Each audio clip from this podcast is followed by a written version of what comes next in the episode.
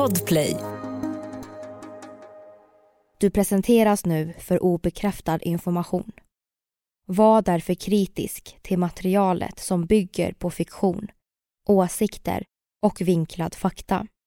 Podcasten kan inte ses som en trovärdig källa. And the best place to hide was this asylum where no one would come looking for her or suspect that she was who she was. If she wasn't Anastasia, then she could only be her identical twin. The most horrible thing that's happening now is that we still can't trust anybody.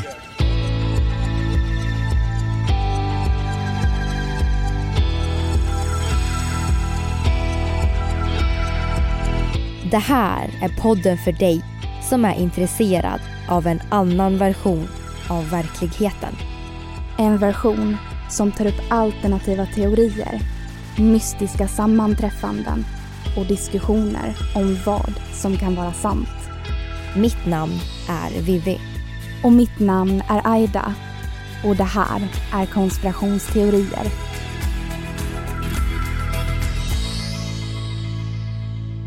Hej allihopa! Vi heter Vivi och Aida. Hallå? Och det här är del tre av mysteriet Romanov. Idag ska vi diskutera hela mysteriet om den ryska tsarfamiljen och inte bara om självaste avrättningen utan allt och lite till kring hela händelsen. Vi kommer att prata om teorier och olika berättelser som finns kring, ja, den här familjen. Så vi tänker att vi kan börja där vi avslutade förra delen, där man hade lyckats lokalisera ja, men gravplatsen med kvarlevorna. Och tack vare DNA-tester så fick man ju fram att kvarlevorna tillhörde tsarfamiljen. Och på platsen så hittades ju nio kroppar i skogen. Och det var tsaren, tsarinnan och tre av deras döttrar. Resterande kroppar var tjänstefolket. Grejen är ju så här då. De här kropparna hade insydda diamanter och juveler så de här bolsjevikerna hade faktiskt väldigt svårt att skjuta ihjäl dem för att det var så mycket hård kristall som skyddade dem. Så de fick faktiskt bokstavligt talat ta vapnet i handen och slå ihjäl dem istället. Så de här två kropparna som hittades till slut var så pass trasiga att det var svårt att identifiera om det var Anastasia och Alexei eller om det möjligtvis kanske till och med var Maria.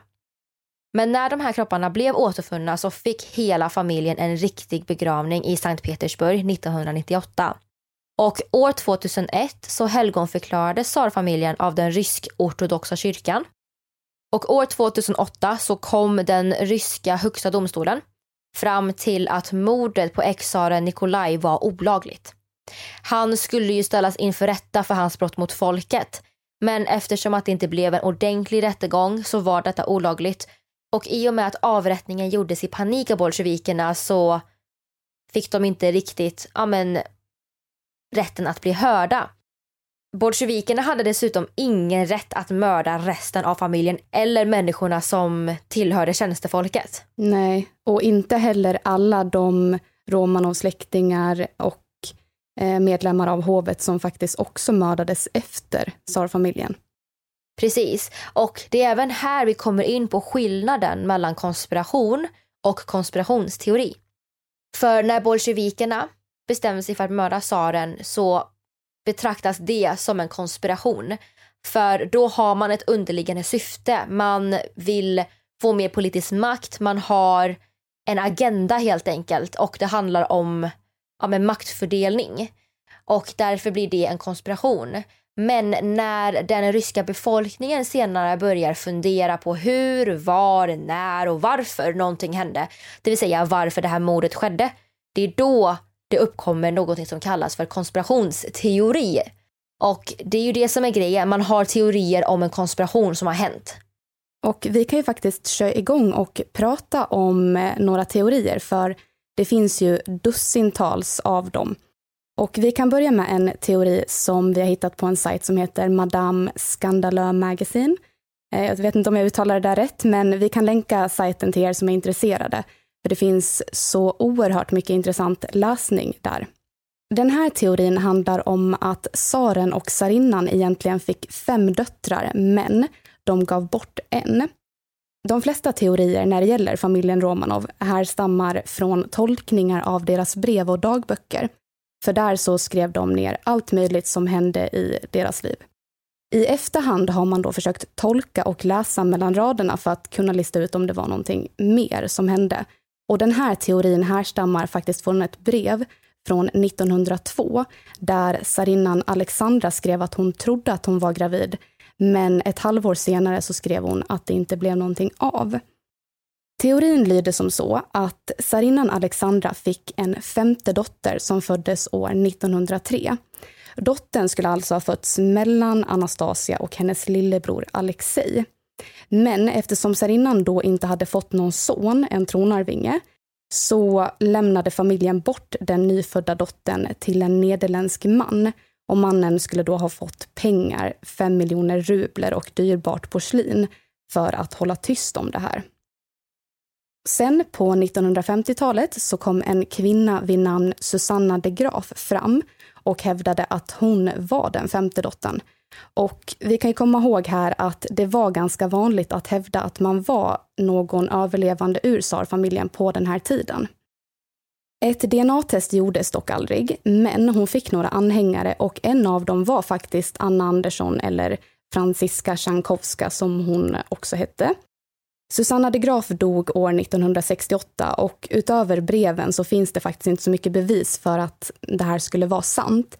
Men enligt hovet så fick tsarinnan Alexandra missfall kring den här tiden. Ja, och den här teorin tycker jag faktiskt är så himla intressant. För man undrar ju verkligen om hon blev gravid och födde barnet men gav bort det så fort hon såg att det inte var en son. Och istället för att mörda barnet så bestämde hon sig kanske för att ge bort det för att ändå ge det en chans i livet hos en annan familj. Men sen bara säga till folket att hon fick missfall. Men förutom Alexandra och familjen så vet ju, ja, och den här nederländska mannen då, så vet förmodligen ingen vad som verkligen hände och det kommer nog vara ett mysterium kring om hon fick en extra dotter eller inte. Mm. Men jag skulle ändå vilja säga att jag förstår Alexandra.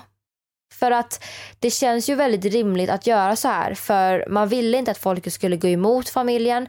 Eh, och Alexandra som redan var så pass impopulär hade ju inte gynnats direkt av att hon har fött en till dotter istället för en son. Och speciellt inte eftersom att folket redan ogillade henne så pass mycket. Och det faktum att många var oerhört irriterade över att hon och familjen hade en väldigt, väldigt stark relation med Rasputin. Och då kan vi hoppa in i den här teorin om honom då. För nästa teori som man har försökt tolka från brev handlar om Rasputin. Ni vet, det är han Helan som var den enda som kunde rädda Alexej från hans blödarsjuka. Som ni vet från avsnitten tidigare om Romanov-familjen så var det inte så många som tyckte om Rasputin och speciellt inte över det faktum att han hade så himla mycket politisk makt. Han fick ju riktigt, riktigt stort inflytande. Det tyckte inte folket om för att ja, men det uppfattades som att han övertalade hovet till att göra saker alltså på hans sätt. Och eftersom att Alexandra hade en sån stor, alltså otroligt stor tillit till Rasputin så började det ju gå rykten om att han och Alexandra faktiskt hade en kärleksaffär under första världskriget. Ja, och att det skedde då när Nikolaj var ute i fält. Så det gjorde ju att folk blev ännu mer irriterade. Och det sägs att Rasputin våldförde sig på Alexandra och barnen. Eller kanske någon av dem, men det verkar i alla fall inte vara bekräftat. Det sägs till exempel att han kunde besöka deras sovrum när de bara hade på sig nattlinnen. Men det är ju ingenting vi vet om det har hänt eller inte. Men det ju, låter ju väldigt obehagligt. Och alla skrev ju brev på den här tiden så folk tyckte väl att hennes brev lät kärleksfulla men i brevet så nämns inget sexuellt. Nej. Så det är väl det folk grundar den här teorin på. Sen så finns det ju även teorier om Rasputin och Tatianas relation, alltså tsardottern Tatiana. Och den är ju väldigt omtalad. Ehm, för som sagt, alla skrev ju brev och det gjorde även hon också. Ja, men deras brev är också väldigt kärleksfulla, men de nämner inte heller någonting sexuellt. Men det här kom ju ut och det var ju då det blev skandal och ännu fler började då tycka eh, mindre om Rasputin. Vilket är helt förståeligt, speciellt när han hade så himla mycket makt över hovet. Och även väldigt mycket ja, men politisk makt som han egentligen inte skulle ha. Men ja, alltså att det är kärleksfulla brev men att det inte är något sexuellt. Det, alltså det tycker jag är jätte, jätte, jätte misstänksamt. Det känns inte alls bra.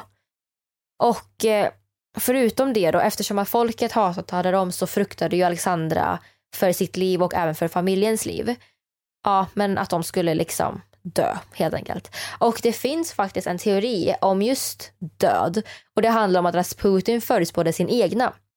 Det är nämligen så att, eller det sägs nämligen så, att han skrev ner två förutsägelser. Den första var ju då att eh, han inte skulle få se solen gå upp 1917. Och den andra var ju då att om hans mördare var tsarens fiender så hade han inget att frukta. Men om det var tsarens vänner så skulle även tsaren dö inom kort. Väldigt spännande och det finns inte så mycket bevis för att det här är äkta. Men brevet är stämplat i Sankt Petersburg dagen efter Rasputins död. Så han hade ju rätt, för kort därefter så mördades ju hela tsarfamiljen. Mm. Han kanske kunde spå framtiden, vem vet? Vad tror ni? Tror ni att han bara lyckades manipulera sig in i familjen eller hade han faktiskt en gåva att hela och se in i framtiden? Ni får jättegärna skicka in till oss på konspirationsteorier på Instagram eller Facebook för att berätta era tankar. Så himla kul att se faktiskt vad ni lyssnare tror. Verkligen.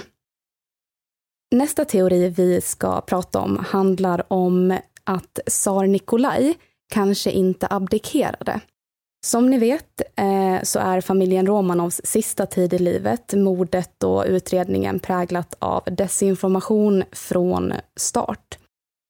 Och trots att det finns så mycket som är oklart kring mordet på tsarfamiljen och, och alla händelser som hör till, så verkar det inte vara så många som tvivlar på det faktum att tsaren abdikerade den 15 mars 1917 eller den 2 mars då om vi utgår från den gamla kalendern som de använde då vid den här tiden. Och det finns faktiskt här en teori då om att hela händelsen är falsk. Och då var det så här då. När Nikolaj tvingades abdikera så ville han först lämna över tronen till sonen Alexei. Men läkarna berättade då för tsaren att Alexei förmodligen inte skulle leva så länge, speciellt inte utan föräldrarna, för det här skulle innebära att de separerades från sonen. Nikolaj låg då och grubblade i flera timmar på vem han skulle lämna över tronen till och bestämde sig till slut för att han och hans son skulle avstå tronen till förmån för Nikolajs yngre bror, storhertig Mikael Alexandrovich. Men då kommer vi till det intressanta, när Nikolaj skulle skriva under.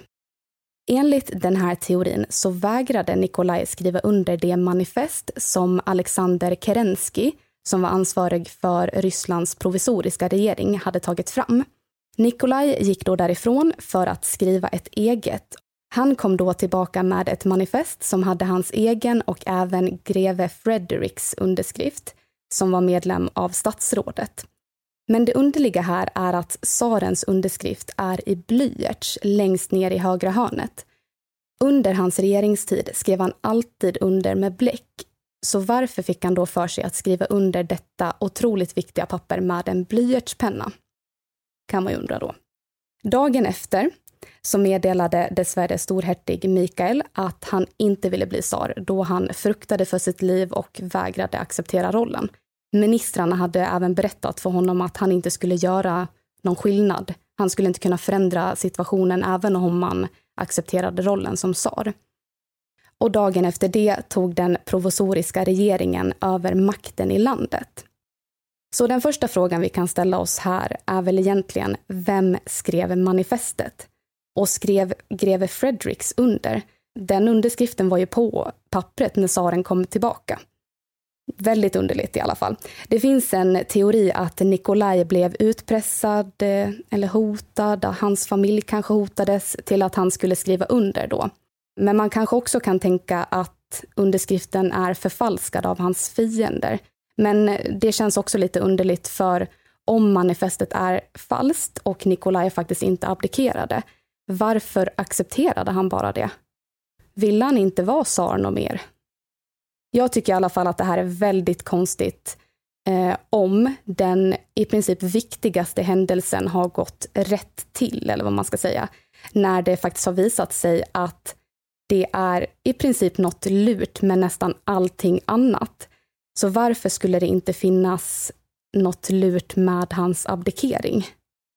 Ja, det är väldigt sant. Och som du säger, varför valde han att skriva med blyerts? Och om det inte var han, var det förfalskat av hans fiender?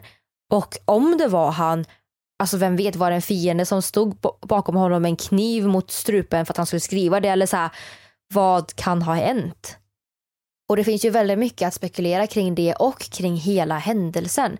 För den är ju präglad som du sa av mycket missinformation, dolda agendor och rykten. Så man vet inte med säkerhet vad som verkligen hände. Och Nikolaj bekräftade ju inte heller det som har hänt i något brev eller i hans dagbok. För han skrev ju utförligt om allt annat men inte om det. Så vi kan ju inte vara 100% säkra heller. Absolut inte. Nu tänker vi gå vidare och prata om när tsarfamiljen mördades. Och något som vi vet är faktiskt att Maria och Anastasia blev väldigt bra vänner med vakterna. De fick då höra massa oroliga berättelser och de ville även höra om deras fruar och helt enkelt om vakternas liv eftersom att flickorna inte själva hade ett liv. De var ju fångna. Och Maria och Anastasia var båda energiska, drömmande och de ville ju verkligen leva. Maria var en älskvärd karaktär och eh, många tyckte om henne jättemycket. Medan Anastasia var då ett djävulsbarn så de tyckte ju vakterna kanske lite mindre om. Men hon var ju väldigt busig och ja, på så.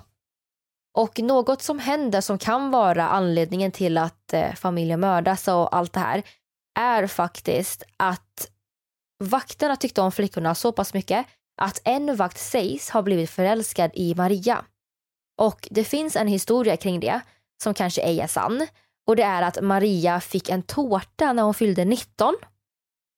Så en vakt hade alltså smugglat in en tårta och de blev påkomna så vakten fick ju såklart sluta. Och det sägs då att den här flörten kan ha varit anledningen till att familjen mördades eftersom att bolsjevikerna oroade sig för att någon annan skulle hitta dem eller frita dem. För om en vakt blev förälskad i henne och smugglade in en tårta, vad skulle då inte någon annan kunna göra? Men man vet ju inte med säkerhet vad som egentligen har hänt eller om den här historien överhuvudtaget är sann. Ja, det är en berättelse kring just Maria då och att det kan vara det som startade igång allt.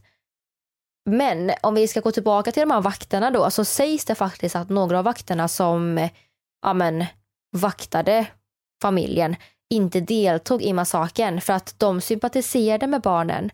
Och efter mordet så finns det vissa som faktiskt tror att de vakterna som sympatiserade med barnen, att de lämnades ensamma med kropparna.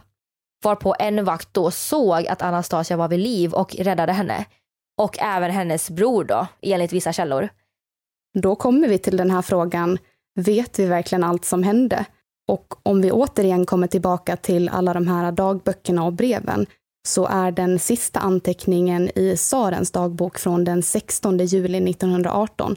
Därefter så upphör anteckningarna och dagen efter mördas familjen. Och det finns faktiskt en händelse på dagen för mordet som handlar om en kökspojke.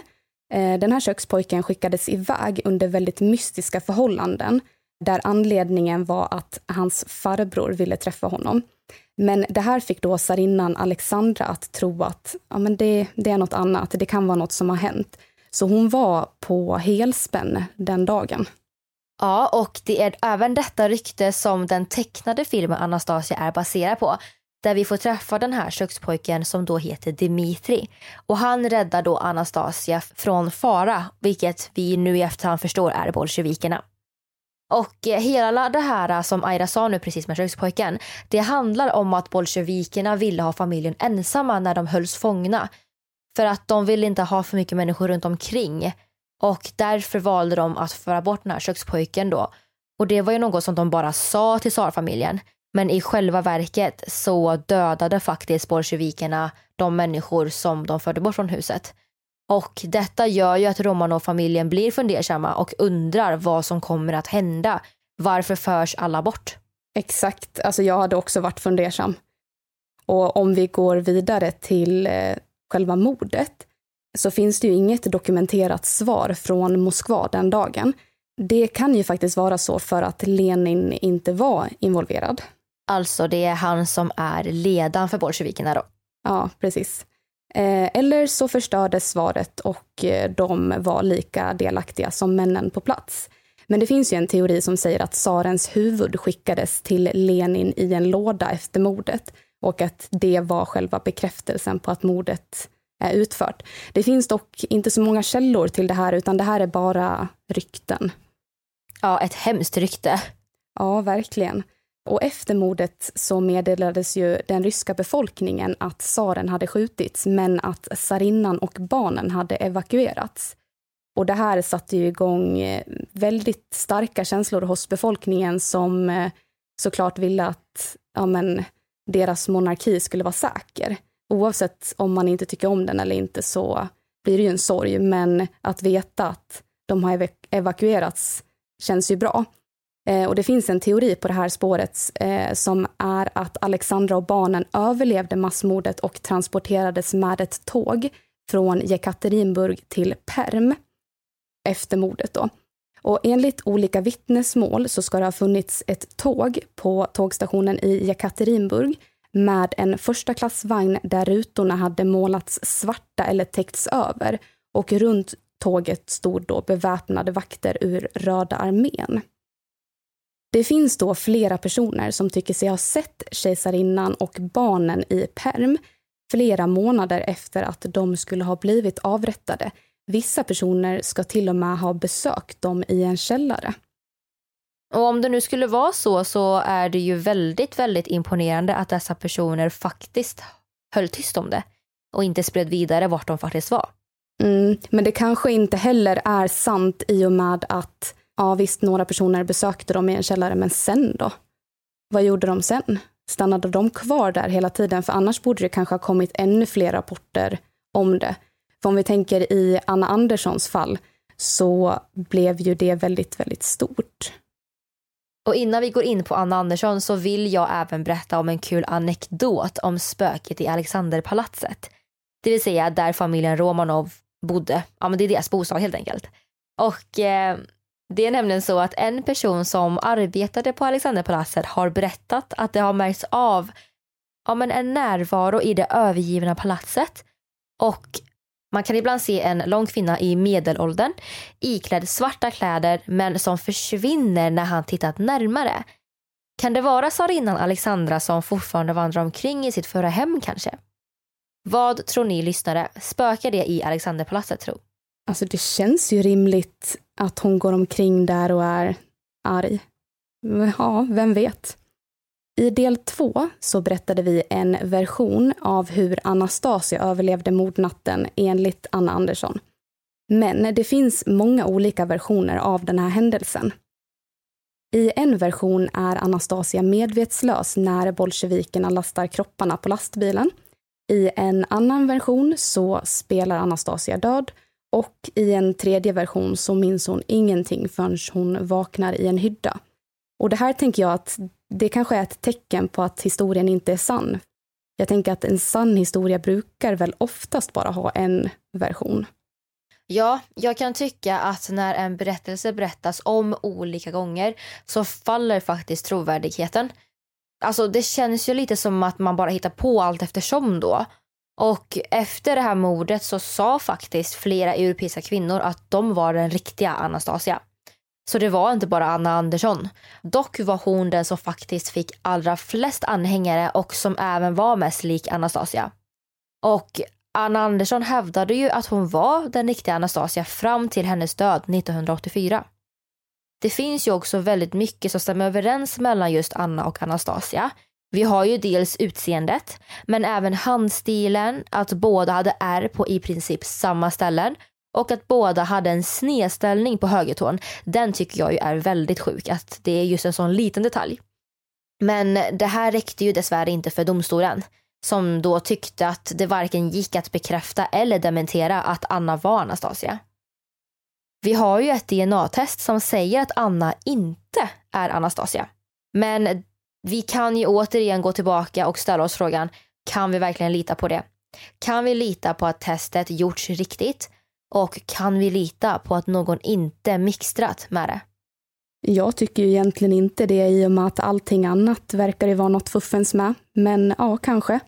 Ehm, vi har ju dock familjemedlemmar och vänner som eh, tyckte att det verkade konstigt att Anastasia skulle ha glömt sitt modersmål. Och även en annan person som tyckte att Anna var för kort för att vara Anastasia. Eh, men vi kan ju även prata om det här med att Anna var inlagd på en psykiatrisk klinik. För hon hade faktiskt varit antagen på samma sjukhus tidigare, men ändå så kändes hon inte igen av personalen.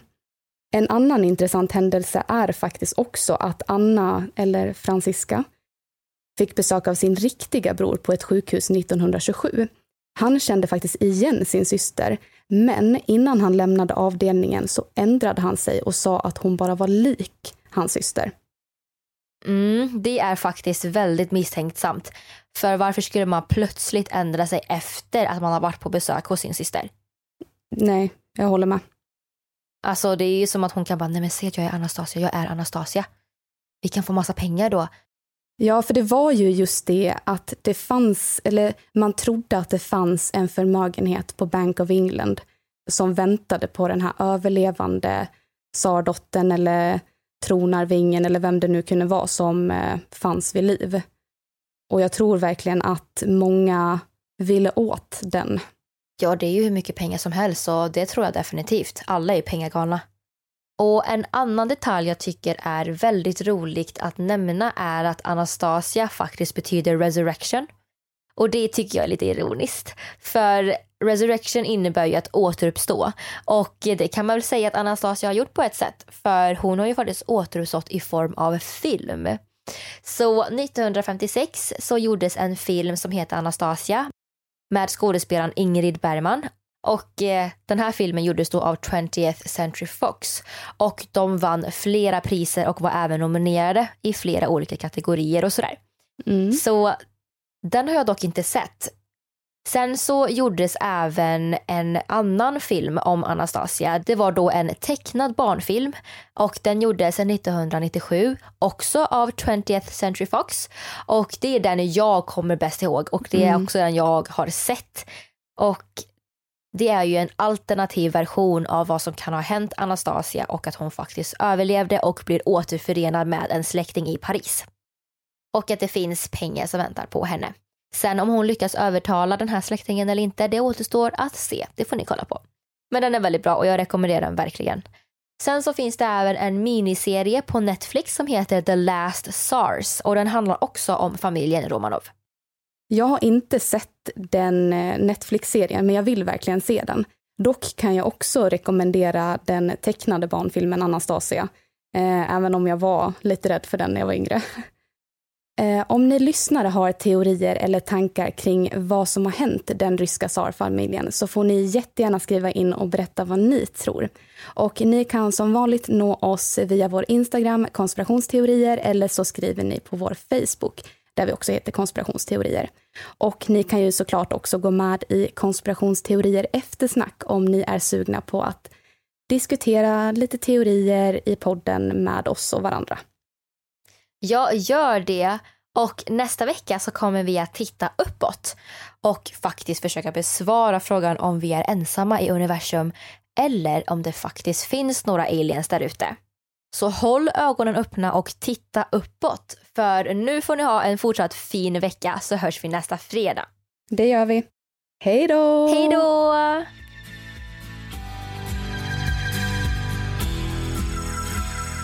Du har lyssnat på sista delen av Mysteriet Romanov. Avsnittet gjordes våren 2021. Vi som har gjort programmet heter Vivian Lee och Aida Engvall tillsammans med redigerare Jenny Olli.